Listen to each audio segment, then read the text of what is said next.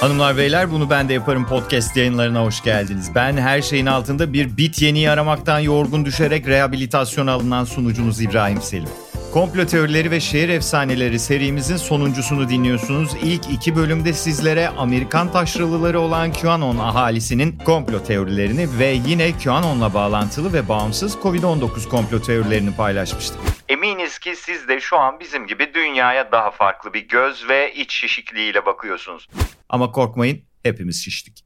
Bir şeyin aslında göründüğü gibi olmama ihtimali insanda bu etkiyi yaratıyor. Ama zaten her şeyde göründüğü gibi olsa hayat çok sıkıcı olmaz mı?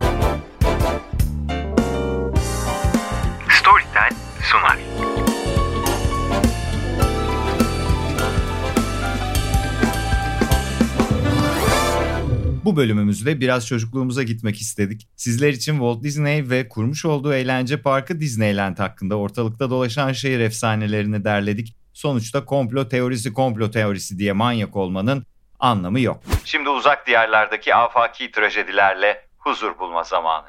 Walt Disney'i hepimiz biliyoruzdur. Özellikle 90'lar çocukları kendisinin sahip olduğu stüdyonun çizgi filmlerini ve filmlerini izleyerek epey keyifli zamanlar geçirmiştir. Mickey'ler, Goofy'ler, Pamuk Prensesler derken pazar sabahlarımız dop dolu geçerdi. Son 10-15 yıldır televizyonlarda olmadıklarından yeni sürüm dinleyicilerimiz çok hakim olamayabilirler. O yüzden şu dipnotu düşelim. Walt Disney aslında bir kişi. Stüdyosu da kendi adıyla anıldığından sadece bir stüdyo sanılmasın. Walt Disney filmler, çizgi filmler, eğlence parkları derken 200 milyar dolarlık bir endüstri haline gelmiş dev bir yapı. Kısaca adam zengin. Lakin ölüm herkes için geldiğinden Disney için de gelmiş. Ama çok meşhur olan bu şehir efsanesine göre Walt Disney ölümü dondurmayı başarmış. 1901 doğumlu olan bu milyarder amcamız 1966 tarihinde akciğer kanserinden ölmüş.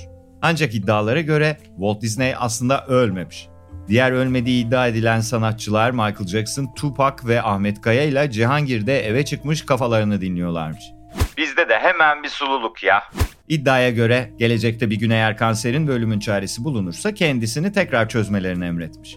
Dondurulmuş bedeni de Kaliforniya'daki Disney Eğlence Parkı'nda bulunan Karayip Korsanları temalı bölümde sular altında muhafaza ediliyormuş.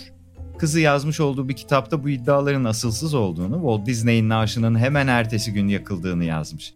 Neyse ailevi meseleler bizi ilgilendirmez. Bu şehir efsanesinin doğru bir yanı var mı peki? Walt Disney kısmını bilemiyoruz ancak böyle bir teknoloji mevcut ve her geçen günde gelişiyor.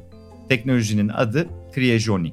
Bu teknolojiyi sizler için araştırdık. Detaylara geçmeden önce şöyle bir durun ve düşünün bu hayatta kaç kişi sizin için kriyojeniyi araştırır. İşte size sevgimiz bu kadar büyük. Kriyojeni insanlara hayatta ikinci bir şans vermek için geliştirilmiş. Ancak prosedür etik sebeplerden ötürü sadece legal olarak ölü ilan edilirseniz size uygulanabiliyor. Geçmiş başarısız ilişkilerimizden de bildiğiniz üzere kalp durduktan sonra beyin dahil diğer organlar bir süre daha işlemeye devam ediyor. Ancak bu prosedürde zaman biraz kritik. O yüzden beyinde hasar meydana gelmemesi için ölen kişinin kalbine yapılan bir müdahaleyle beynin oksijen ve kan ihtiyacı bir süre daha sağlanmaya devam ediyor. Son aşamada da özel buz küvetleri vücuda enjekte edilen çeşitli sıvılar derken sizi firmaya ait bir hava taşıtına atıp özel soğutucular içinde Amerika'daki enstitüye götürüyorlar. Evet, beden enstitüye geldiğinde hemen virtifikasyon denilen bir süreç başlatılıyor vücuttaki kanın hemen antifriz gibi bir sıvıyla değiştirilip iç organlarınızın ve hücrelerinizin kristalleşmesi önleniyor. Ardından vücudunuz bir soğutma ünitesine koyularak tam eksi 196 dereceye kadar soğutuluyor. Burada soğutulan beden sonrasında diğer dondurulmuş bedenlerle oynayabilmesi için Black Mirror sezon 10 bölüm 5 koğuşuna aktarılıyor ve vücut yeni ısısını muhafaza edecek özel kabinlerde zamansız bekleyişine başlıyor. Aynı uygulamayı evcil hayvanlara da yapabiliyormuşuz. Peki insanlar bu kabinlerde neyi bekliyor? Ya da neden hayvanlarını donduruyor? Aslında çok fazla sebep var. Kendilerini öldüren hastalığın çaresinin bulunmasını bekliyorlar ya da yaşlılıktan öldüyse hücre gençleştirme çalışmalarının bir gün başarıya ulaşmasını bekliyorlar. Kısaca aslında ölümün bir çaresinin bulunmasını bekliyorlar. Bir gün ölümün çaresi bulunur mu? Neden olmasın? İnsan kendisini çaresiz hissettiği her şey karşısında bir çözüm üretmeyi başarmış bugüne kadar neden en büyük çaresizliği olan ölüm karşısında da bir çare bulamasın? Coin klonlamaktan, kafa nakli yapılmasından bahsedilen bir çağdayız. Bundan 100 yıl önce bunlar da hayaldi ama belki bundan birkaç yıl sonra kafanızı klonlanmış bir koyunun vücuduna taktırabilirsiniz. Yine de siz tüm teknolojiyi aynı anda kullanacağım diye ısrar etmeyin. Bu arada ölen biri nasıl hayata dönebilir derseniz aslında her gün dünyada binlerce insan ölüp basit bir kalp masajıyla hayata dönüyor. Yani tekrar hayata dönüş aslında basit bir elektroşokla kalbin yeniden çalıştırılmasıyla yapılıyor. Çok da kafanızda büyütmeyin yani. Prosedür sadece ölü insanlara uygulanıyor olabilir ama bu tamamen etik ve kanun gereği olan bir durum. Hepinizin bildiği gibi paranız varsa her şey mümkün olabilir. Walt Disney gibi geleceğe dair gerçekten vizyoner hayalleri ve hırsı olan bir insan, parası da varsa neden sonsuza kadar yaşama ihtimali dururken ölüp yok olmayı tercih etsin ki? Belki de kendi kriyojenik tüpünü satın alıp kanserin ve yaşlılığın çaresi bulunana kadar kendini dondurmuştur. Bilinen ilk dondurma olayı Disney'in ölümünden bir yıl sonra. Yani 1967 yılında yapıldı. Ama bu legal bir dondurmaydı. Belki yaşarken dondurulmak istediği ve legal prosedürlerle uğraşmak istemediği için kendi kriyojenik tüpünü kendisi geliştirdi. Bunu bilemeyiz ki. Belki de kendisi şu an gelecekteki o günün gelmesini bekleyerek gerçekten de Kaliforniya'daki eğlence parkının suları altında öylece duruyor. Bize bilet parası ayarlarsanız sizler için bunu seve seve kontrol etmeye gidebiliriz. Disneyland hakkında ortalıkta dolaşan başka bir şehir efsanesi de ölü yakınlarının sevdiklerinin küllerinin parkın içindeki lanetli köşke serpiştirdiği yönündeki efsane. Şimdi bizim için pek bir anlam ifade etmese de Disney Amerikalılar için epey önemli bir mevzu. Hatta bir kültür diyebiliriz. İlk çizgi filmin çıktığı 1920'lerden beri birçok nesil aslında Disney'in onlara sunduğu dünyayla büyüdü.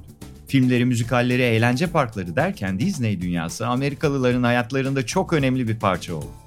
Bizim bu şekilde süre gelen popüler kültür evrenlerimiz olmadığından bunu anlayamayabiliriz. Sonuçta Ben zamanında adam olacak çocuğa katılmıştım. Benim küllerimi TRT arı stüdyolarına dökün. ya da Bostancı Luna Park'taki balerinada çocukken kusmuştum küllerimi oraya serpiştirin. diyenimiz zannetmiyoruz ki çıksın.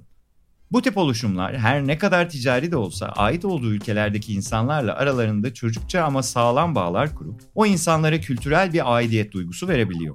Ortak bilinç sadece ortak atalarımızın aynı yerden gelip omuz omuza savaşmasıyla oluşan bir olgu değil.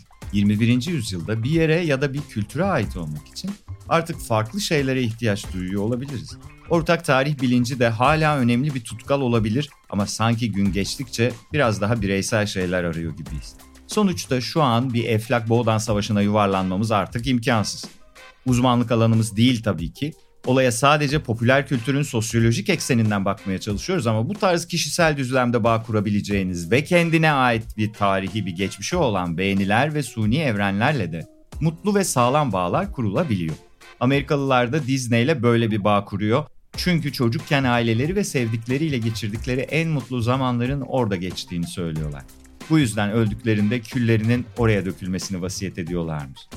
Bu kül mevzu ezelden beri ortada dönen bir efsaneydi ancak Disney bunun gerçek olduğunu açıkladı. Evet insanlar gerçekten sevdiklerinin küllerini getirip Disneyland'in topraklarına serpiştiriyormuş. Yani o çığlıklar atarak eğlenilen yer aslında dev bir mezarlık gibi bir şey. Bunu yapmak hem kanunen hem de şirket politikasınca yasak aslında. Eğer yakalanırsanız küllerinizle beraber parktan atılıyorsunuz. Ancak oldu da külleri savurmayı başardınız ve sonrasında yakalandınız hemen bir temizlik ekibi gelip külleri vakumluyormuş. Zaten her akşam genel bir temizlik yapıldığından küller genelde orada kalmıyor diyorlar. Ama hepsi temizlenemeyeceği için mutlaka bir kısım kül de sağda solda kalıyordur herhalde.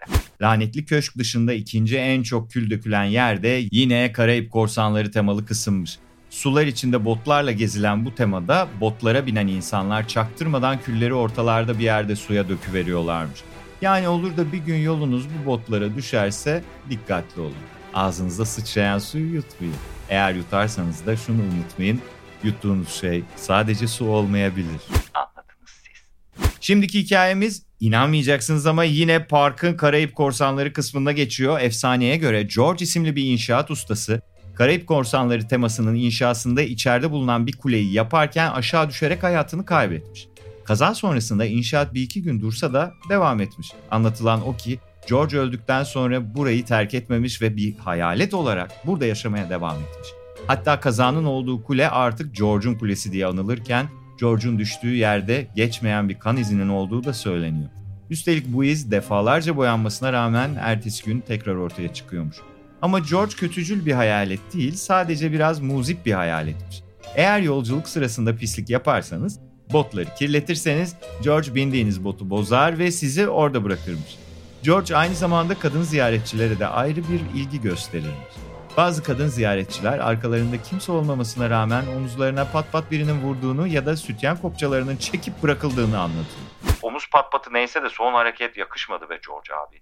Son olarak o gün Karayip Korsanları bölümünden sorumlu olan kimse ilk iş sabah mikrofonu açarak Günaydın George. akşam giderken de son iş olarak yine mikrofonu açıp İyi geceler George.